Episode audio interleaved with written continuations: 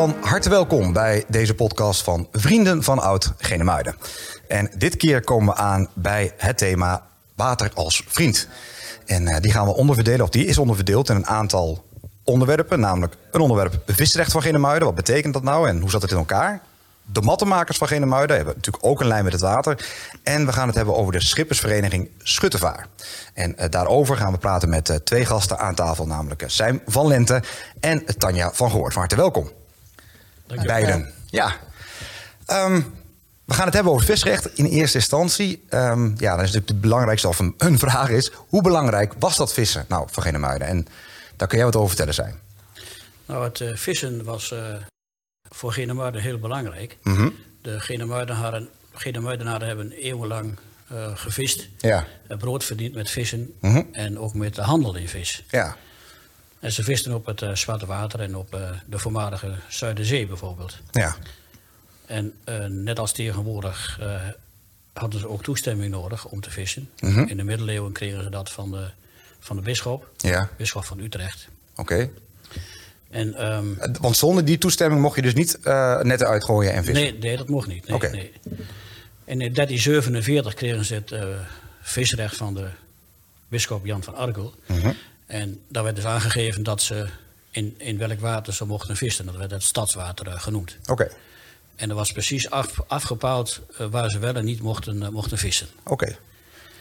Okay. Um, dat, dat recht om te vissen, dat werd jaarlijks verloot onder de vissers. Hoe ze dat precies deden, dat weet ik niet.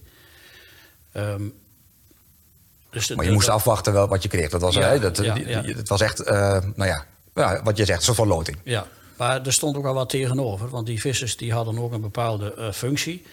Ze kregen de functie van stadswaken. Ze moesten zorgen voor de orde en rust in, de, in Genemuiden. En ze moesten ook andere werkzaamheden voor de gemeente ja, verrichten. Een tegenprestatie. Dat was een tegenprestatie. Ja, ja. ja. En die, die vissersvloot die was uh, bijvoorbeeld in 1588 telde Genemuiden 22 schuiten, zo werd dat genoemd. Mm -hmm. En nog een aantal kleinere schepen. Dus dan kun je wel nagaan op een bevolking van zoveel mensen. Eh, veel minder dan nu natuurlijk. Ja, ja volgens mij nog honderdduizend of misschien uh, denk ja, ik dan al die tijd. Ja. Ik ken de aantallen zo niet. Maar in verhouding waren het natuurlijk heel veel mensen die uh, verdienden hun brood met vissen. Ja, die waren ervan afhankelijk. Die waren ervan afhankelijk, ja. ja. En ja, goed, zoals, zoals je dat vertelt... en je zou denken dat alles op papier dan goed is geregeld. Um, maar was het in de praktijk ook wel zo? Uh, het visrecht van Genemuiden stond uh, beschreven in oorkonden en brieven. Mhm. Uh -huh. Dus het stond op papier. Mooi geregeld, denk je dan. Ja, dat, dat zou was, je zeggen. Ja, dat zou je zeggen, Ja. maar dat was niet zo. Oké. Okay. Want de omliggende steden en dorpen rondom Genemuiden... die betwisten het visrecht van Genemuiden. Oh, Uh, niet alleen de omliggende steden, maar zelfs vanuit het westen, Holland was dat... die zaten de Genemuidenvissers dwars. oké. Want uh, zij visten uh, hier en dan, uh, ze sleepten met hun netten over de bodem. Ja, En dat betekende dus dat de netten van de vissers van Genemuiden kapot gingen. ja. Dat was, eh, daar is een rechtszaak over eh, geweest. Mhm. En gewonnen door Genemuiden. Oké. Ja. want je zou ook zeggen, wat, wat, als we vanuit het westen hier komen vissen... dit is ons water, hier mogen wij vissen, zou je Ze zeggen, hebben toch? hier niks te zoeken, Nee, toch? nee, zeker niet. Nee, ja, tenzij ze natuurlijk op een leuke vakantiedag Ja, dat langskomen. anders, dat wel maar dat was, eh, dat was niet het Nee, geval. nee. Ja, en toen werd het visrecht ook nog afgeschaft uiteindelijk. Blijkbaar ook wel van, er was te veel, eh, eh, nou ja, misschien vroeging of hoe je dat ook zegt, eh, wrijving tussen elkaar of zo. Want wat gebeurde er na de afschaffing van het visrecht? Uh, na de afschaffing moesten de vissers het visrecht uh, huren van de staat. Oké, En um, er kwam weer een ontwik ontwikkeling dat, de, dat Genemuiden die groeide uit tot een van de belangrijkste uh, aanvoeravens van, van vis. Dus zelfs vissers uit Urk, Schokland, Vollenhoven, uh, Marken, Vollen, um, Volendam Ja. brachten de vis naar Genemuiden. Oh. jongen. Ik wist niet dat dat zo'n grote rol speelde. Ja, dat, dat speelde zeker een grote rol. Hmm. En um, de vissen die werden verkocht, het de vis werd verkocht aan handelaren. Ja, En die brachten ze met paard en wagen naar de verschillende vismarkten in de buurt. ja, En als je uh, kijkt naar de hoeveelheid vis, um, dan waren er jaren van ongekende hoeveelheden. Um, zeker wat betreft de haringen in de, in de regio Schokland, die Ja, er waren enorme aantallen die ze daar eh, vingen. Oké. En, en dan, want je zou, wat jij zegt, je zou dan zo, zoals Urk en Volendam, et cetera. Nou, die, dat zijn voor mij vissersdorpen. Maar eigenlijk was Genemuiden toen de tijd eh, eh, nog belangrijker omdat ze daar naartoe brachten zelfs. Ja, ehm, ik heb dat niet uitgezocht, maar ik kan me voorstellen dat, dat de vis dus ehm, wat gemakkelijker het binnenland in Ja, vervoerd kon Ja. worden. Ja. En wat ze, de, de haringen die werden ook gerookt, Ja. eh, ook in Genemuiden. Mhm. Eh, in, in bepaalde jaren dan heb je het over 2 miljoen haringen die gerookt werden, 3 miljoen eh, soms. Ja. En dat, dat werden ze bokkingen genoemd. Oké, oh ja. Ja, ja. Bokking, bokking is dus gewoon een, eh, Een, zout- een haring. zout- of een haring. Ja, ja. En ehm, die haringen, die dus gerookt waren, dus bokkingen, die Mhm. werden zelfs vervoerd naar Twente, maar ook wel naar Duitsland. Oké. Dus daar werden ze met, waarschijnlijk met paardenwagen naartoe gebracht. Zo. Of met schip, dat zal ook Ja. kunnen. Maar dan moet je inderdaad wel zoute haring hebben die ingepekeld is. Want anders dan, eh, houdt hij het waarschijnlijk niet Nee, goed. het, was het was gero- eh, eh, gerookte Oh. haringen, dus Oh, ja. dat waren bokkingen. Nee, oké. Oh, dat was bokking. Ja, sorry. Ja, ja uiteraard. uiteraard. Ehm, hoe ontwikkelt de visserij zich in de latere jaren? Want uiteindelijk verdwijnt het uit het beeld, zeg maar. Ja. Tegenwoordig bijna helemaal. Hoe, is dat gegaan? Eh, begin 19e eeuw waren er ongeveer 55 mensen vissers in Genemuiden. Ja. Dat was ongeveer 5% van de bevolking. Mhm. En dan hebben we het ook niet alleen over de visserij, maar ook aan de aanverwante bedrijven Ja. omheen. Ja. Ehm, na de bouw van de afsluitdijk verdween de Zuiderzee. En dat was eigenlijk ook een beetje het einde van de glorietijd van de visserijen. Ja. Eh, de visserij verdween eigenlijk en, eh, er was, en ook de palingenrokerij.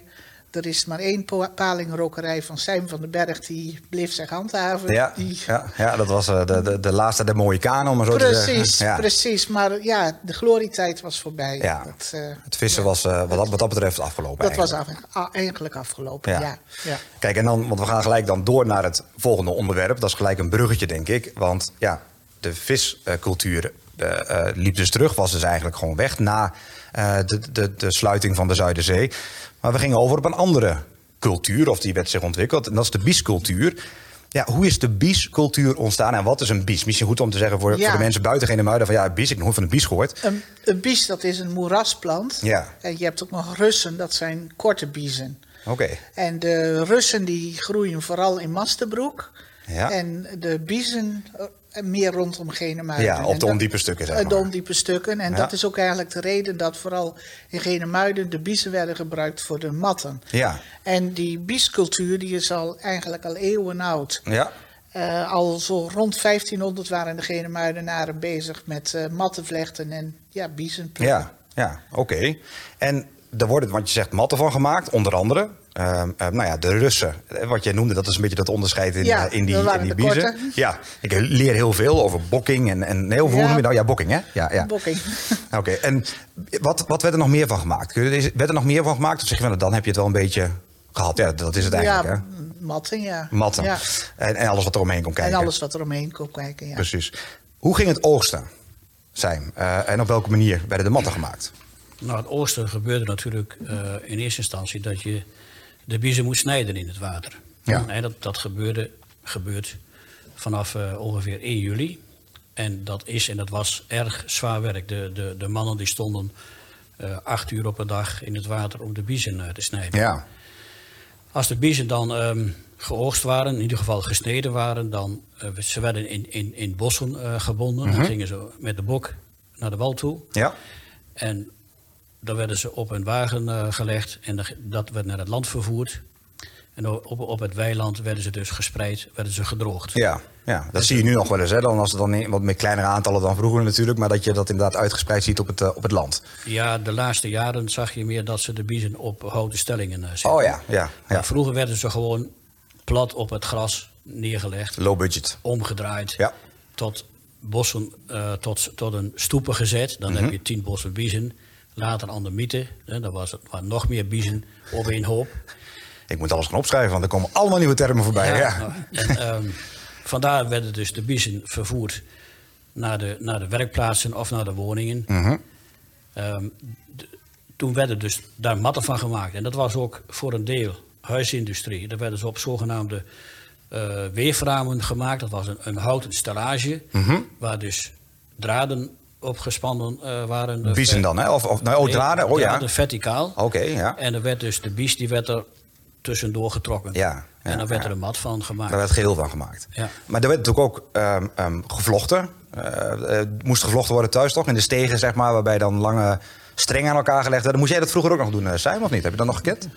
Nou, Nou, wel, wel dat er, dat er, dat de biezen gevlochten eh, Ja, werden. ja, toch? Ja. Ja. Dus dat was een, een andere ontwikkeling. eh, Mhm. ja. Want als, je, als we hier naar terug gaan, zeg maar, wat levert het maken van de matten op? Wat, wat, wat, wat, wat kregen ze eruit? Nou, de, de, de mattenindustrie, de biezenmattenindustrie, dat was eh, een noodzakelijke bron van, van inkomsten. De, de, de, mensen waren heel arm. Ja. Eh, ander werk was er vaak niet. Mhm. Dus het hele gezin, soms ook de kinderen, die hielpen, hielpen mee. Ja. De arbeidsomstandigheden waren, waren erg primitief. Ja, had- zwaar. Ja, je had vroeger veel eenkamerwoningen. Mhm. Dat betekent dus gewoon een huisje met één kamer. Daar werd in geslapen, daar werd, er werd in gekookt, er werd in gegeten en er werden matten gemaakt. Ja, Eh, ja. multifunctioneel. Alles in één ruimte. Ja, ja. En eh, nou, je had dus ehm, mensen die hadden, daar, die hadden van het matten maken een hoofdberoep. Ja, Maar je had ook mensen die deden dat als neveninkomst. erbij. S'avonds. Ja, Of op een ander moment. of overdag. Ja, of, of, ja. ja. Maar die hadden gewoon ander werk en die deden dit als, Ja. eh, extra, om extra inkomsten te genereren. Hey, als we, de, de biezen kwamen hier natuurlijk vlakbij vandaan. Hè. Je zei het al, het lage, eh, lage water eh, hier eh, voor nou, laten we zeggen, de, de oude kustlijn. Werden de biezen eh, groeiden daar. Dus daar werden die denk ik vandaan gehaald. En, maar waar gingen de matten naartoe die gemaakt werden? De, de Genemuiden was het centrum van de mattenindustrie. Mhm. Vanuit het westen kwamen opkopers naar Genemuiden en die kochten die matten op en die verkochten ze weer in het westen. Ja, Ehm, dat betekende, er was veel vraag naar en dat betekende dat de prijzen omhoog eh, gingen. Ja. Dat was mooi voor de mattenmakers, alleen het nadeel was dat er op een gegeven moment tekort aan biezen was. ja, ja. Nou zijn ze in Genemuiden eh heel oplossingsgericht, dus Nou. wat deden ze? Ze gingen de biezen zelf maar planten. Ah, oh, dus zo is het gekomen. Ja, ja. Oké, ja, en ja, ehm, ja, daarvoor werd er in 1845 eh, de maatschappij van verbetering van het Zwolse diep opgericht. Oké. Ehm, er waren ook wel eens jaren dat er gewoon minder biezen waren. Dat was natuurlijk heel slecht voor de mattenmakers. Eh, men ging zelfs biezen planten in Hongarije en Ierland. Oh, En ook in Nederland, bijvoorbeeld in de biesbossen, werden ook biezen geplant. En want je hebt blijkbaar een bepaald type water nodig om dat te kunnen doen? ik denk het wel, Ja, ja. ja, dat zal, ja, ja. Nou, die gedroogde biezen, die werden dus, eh, de biezen werden dus in Hongarije en Ierland werden geplant. Ja. En werden dan naar Genemuiden eh, ver- eh, gebracht en verder En verwerkt. verwerkt. Ja. Ja, oké. En ja, die biescultuur die ontwikkelde zich verder. We hebben natuurlijk, nou, we weten zelf wat er uit voort, allemaal uit voortgekomen is. Want, maar kun je dat ook omschrijven, hoe die zich ontwikkelde zijn? Nou, op een gegeven moment, begin 1900, liep de, liep de vraag naar uh, matten terug. Dat kwam ook door doordat er vanuit China en Japan eh, betere en goedkopere matten... Toch weer China ook weer, hè? Ja. Ehm, en ook andere soorten uh, vloerbedekking. ja. En uh, ja, Genemuiden uh, wist toch weer iets te ontwikkelen. Hè, dat wat we net al even aanstipten, de, de, de vlechtmat. Oh, Dus, het hè, maak je dus op die manier. Ja. De gevlochten biezen die werden dan als een, die werden aan elkaar genaaid tot een, tot een mat, een blokmat werd dat genoemd. Er werden kapetten van gemaakt. Er werden bijvoorbeeld lopers van gemaakt, zelfs wc-matten. Ja, ja. En zelfs nog uh, sloffen en tasjes en uh, dat soort ja, uh, ja. dingen. Ja, en van die schoenen die dan Russische generaals aan hebben blijkbaar. Ja, in, dat is zogenaamde ja, overschoenen eh, werd dat genoemd. Ja. Dus de Duitsers hadden dat in, in Rusland. Eh, als ze op wacht stonden in de sneeuw, hadden ze die over de schoenen heen Ja. voor wat isolatie. Dat Ja. is toch nog een beetje tegen de kou. Het is wel zo dat je schoenen, je voeten dan zo groot zijn dat je de vijand dat waarschijnlijk als eerste gaat zien, omdat er zoveel omheen zit. Um, en wat gebeurde er in 1920? Want dat is nog wel even een belangrijk jaartal, denk ik. Ja, 1920 of omstreeks 1920 was er een, slechte economische situatie. Ja. En ook daar was, werd, werd weer een oplossing gevonden. Mhm. Toen ging men matten maken van, van kokos. Ja. En uh, kokos die kwam voornam, voornamelijk uit, uit India. En op dan de zogenaamde uh, weefratten en pennenramen werd dus, werden die matten uh, Ja. gemaakt. Maar toen kwam dus eindelijk kokos naar de oppervlakte. Toen kwam kokos en toen was het, eh, de huisindustrie voor het maken van biezenmatten was ten einde. Ja. In de Tweede Wereldoorlog had je nog weer een, een wat opleving van de biescultuur, van de bie- biezenmatten maken. Omdat de aanvoer van kokos door de Ja. oorlog eh, stagneerde. Ja. En kort na de oorlog ehm, ging men weer over op kokostapijt. Ja. Of kokos en later op tapijt. Uiteraard, ja. ja. Maar in ieder geval eerst op kokos. Het heeft me altijd verbaasd, kokos, omdat... Het is voor mij zit voor mij, mijn beleving zit er helemaal niet heel veel kokos in een kokosnoot. En dan zie, ik, nou, maar dan zie je dus ontzettend grote balen met kokosmateriaal in kleuren hè, bij, bij, bij verschillende bedrijven. Ik denk van hoeveel kokosnoten zijn er dan niet? Ja. Toch, dat is toch ongelooflijk? Ja, Ja. Maar goed, daar, eh, ook daar gaan we een andere keer over hebben. We komen even bij het volgende onderwerp. En dat is de schippersvereniging Schuttervaar. En eh, dat heeft ook te maken met de Zwolsdiep, Krachenburg. Ja, wat is de schippersvereniging Schuttervaar en welke belangen diende men? Nou, om de, om de belangen van de schippers eh, te behartigen, werden er vroeger gilden opgericht. Gilden. Gilden. En, ehm, dus dat was een, een organisatie die dus voor de belangen van de schippers opkwam. Ja, net als Sint-Antonius Gilde. Iets waar we Ja, in, een andere, ja. in een andere podcast over hebben. Een gilde. Ja. Er bestond vroeger een ehm, gilde van, van karveelschippers uit Zwartsluis. Een karveel is een wat, wat groter, zeewaardig schip. Oké. En die vormden dan de, de groot, het grootschippersgilde. Mhm. En de vissers van wat, of de, de schippers van wat kleinere boten, dat wat het kleinschippersgilde. Oké, dus dat verschillende formaten. En, en waar je dat, er zijn ook nog Ja, twee verschillende gildes. twee verschillende, ja. Nee, die horen bij de kleine bootjes. Dat Ja, is een andere. Ja, oké. Net als de grootburgers. En, Ja, ja, precies. Ja, ja. Nee, wrijf het nog even in. Ja. Ehm, tijdens de eh, Franse tijd werden die gildes eh, werden, eh, afgeschaft. Oké, toen was het klaar met de gildes. Ja. En toen kwam er dus ehm, een, een koninklijke schuttervaar werd opgericht, schuttervaar, in 1849, die dus ook weer die belangen Ja, behartigde. die bestaat nog steeds, toch, in Zwartsluis? Ehm, dat zou kunnen. ja, dat dacht ik, want de. Dat schuttersvereniging, ooit een keer iets van gehoord. Ah, die oprichter, eh, Willem-Jan Schuttervaar, die kwam op voor de belangen van de binnenschippers in Zwartsluis. Ja, Ehm, er was een langdurig eh, conflict, omdat er voor een voorstel lag om de tolheffing te heffen op het Zwarte Water, dus Ja. in het Zwolse Diep. Dus Nou, de, dat- de dat- monding van het Zwarte Water. het woord heffing is natuurlijk al niet handig eh, eh, om in Genemuiden überhaupt uit te spreken, denk ik. Hè? Dus daar waren we niet mee eens. Nee, daar gaan de haren al recht op staan. ja, ja. Ehm, dat geldde dus niet alleen voor de schippers uit, eh uit Zwartsluis, maar ook uit Hasselt en Ja. Genemuiden uiteraard. ja. Zwartsluis was dus inmiddels uitgegroeid tot, tot een belangrijke schippersplaats. ja. Ehm, en schippers uit Hasselt, Zwartsluis, Genemuiden, die richting de Zuiderzee ging- gingen, moesten dus bij de kettinglangers Ja. langs om die tolheffing eh, te betalen. Ja. ja, want de ketting is hier eh, dat eigenlijk. Jullie, als we daar kijken, je mag er naar kijken natuurlijk, want als ik het goed heb, maar dat bedoel is de ketting toch, wat daar ligt? Eh, bij die haven, zeg maar. Ja, bij ja, hè? ons- ja, dat klopt. Ja. En daar lag hij over het water heen en Ja. moest je betalen. Vandaar dat het nog steeds de ketting genoemd wordt. Nou, mysterie opgelost. Er moest tol betaald worden. Zelfde, diezelfde plaats, ongeveer als je een eindje verder het Zwarte Water op gaat, liggen kribben. Ja. Hoe en waarom werden kribben aangelegd? Ehm, in de eerste helft van de 1800 eh, raakte de rivier het Zwolse Diep eh, verzand. Ehm, men sprak zelfs eh, van het Zwolse Ondiep.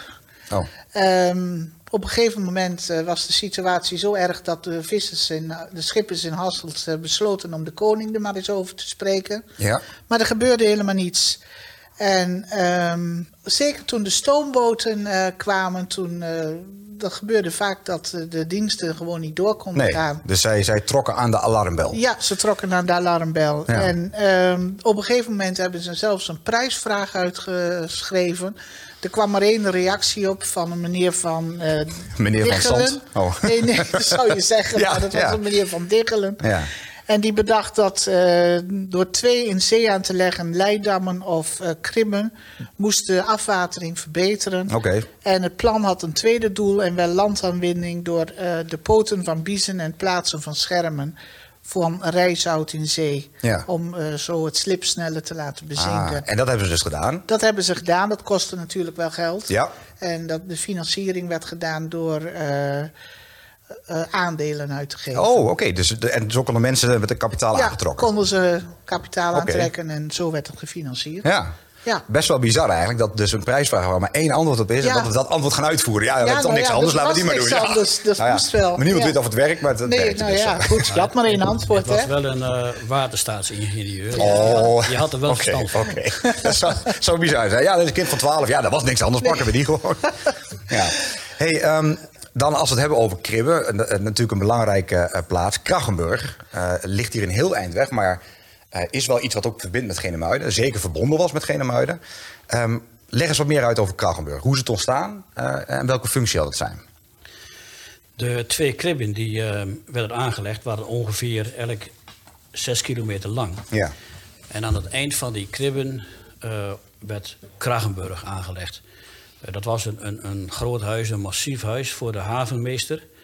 En die lag op een, ehm, op een hoge terp van ongeveer 4 meter. Ja. Natuurlijk om, om te voorkomen dat hij onder water kwam te staan bij, bij hoogwater. Ja. Eh, de licht, er, werd dus, er was een, een, een, een licht hè, voor, de, voor de schepen. Ja. Dus op die manier konden de, de schepen eh, veilig naar het Zwolse diep eh, toe loodsen. Ja. En bij, bij mist werd de, werd de mistbel Geluid. geluid. Ge- ge- geklonken geluid. ja, om, ja, om te waarschuwen tegen de, tegen de ondiepen, Ja. ondiepen en de kribben. Oké. Ehm, op Kragenburg, dus in, in die woning, daar woonde de, de, de lichtwachter, die dus ook havenmeester was. Mhm. met, zijn ge- met zijn gezin woonde hij de hele jaar, het hele jaar op Kragenburg. Oké. Nou, je kunt er nagaan, zes kilometer van Gedemuiden af in die tijd, op een, van, aan het eind van, van wat smalle kribben. Ja. Ja, die leefden daar echt in, eh, soms in, in, in eenzaamheid. Nou, want wat je zegt, en dan kribben lopen ook niet makkelijk. Er zal ook niet echt een heel makkelijk pad over gelopen hebben waarschijnlijk. Nee, ik, ik denk ook dat ze voornamelijk eh, bevoorraad werden door, eh, door schepen. Ja, die over water. Genemuiden naar Kragenburg voeren. Ja. En, en zeker in, op momenten van slecht weer en sneeuw, ja, dan waren ze gewoon afgesloten van de, van de de, wereld. Ja. Ja. ja. jongen. En nog geen telefoon natuurlijk in die tijd. Nee, nee. Nou, dat is wel... Maar goed, je, ja, ik, dat, ik heb wel eens boeken gelezen, ook over natuurlijk eh, eh, het eilandje. En dan idealiseer ik al, denk, oh, wat zou dat fijn zijn als je daar woont met mooi uitzicht en mooie... Maar zo is de werkelijkheid natuurlijk niet eh, uiteindelijk. Nee, bij zomeravonden lijkt me dat wel eh, leuk. Ja, niet, zo nu en dan. Niet in de winter. Nee, nee dus puur alleen op mooie weerdagen. Ja.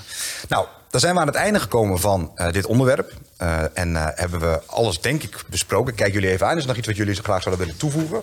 Nou, misschien één ding. ehm, die tolheffing, die voorgenomen tolheffing. Mhm. ehm, ja, er kwamen natuurlijk ook allerlei eh, bezwaren tegen. Want Ja. tolheffing moest, eh, zou eerst dan betaald moeten worden ehm, op basis van, eh, van, van, van de schepen hoe, qua, lading. Maar het ging meer over de diepgang. Hè, want, ehm, die vaargeuren die moesten, moesten op diepte gehouden eh, worden. Ja. En dat gaf natuurlijk dat gaf allerlei conflicten, zelfs zover dat de, sommige schippers die varen gewoon tegen die ketting aan. Die worden gewoon erin beuken. eh, kapot en eh, Ja, zou ik ook doen, denk ik. ze gingen door met schip. Ja, maar wat je zegt is wel een belangrijk. Het ging ook om die diepgang. Want dat, is, dat- dat bepaalt natuurlijk hoe diep die gebaggerd moet worden en wie dat Ja. betaalt. Ja. Ja.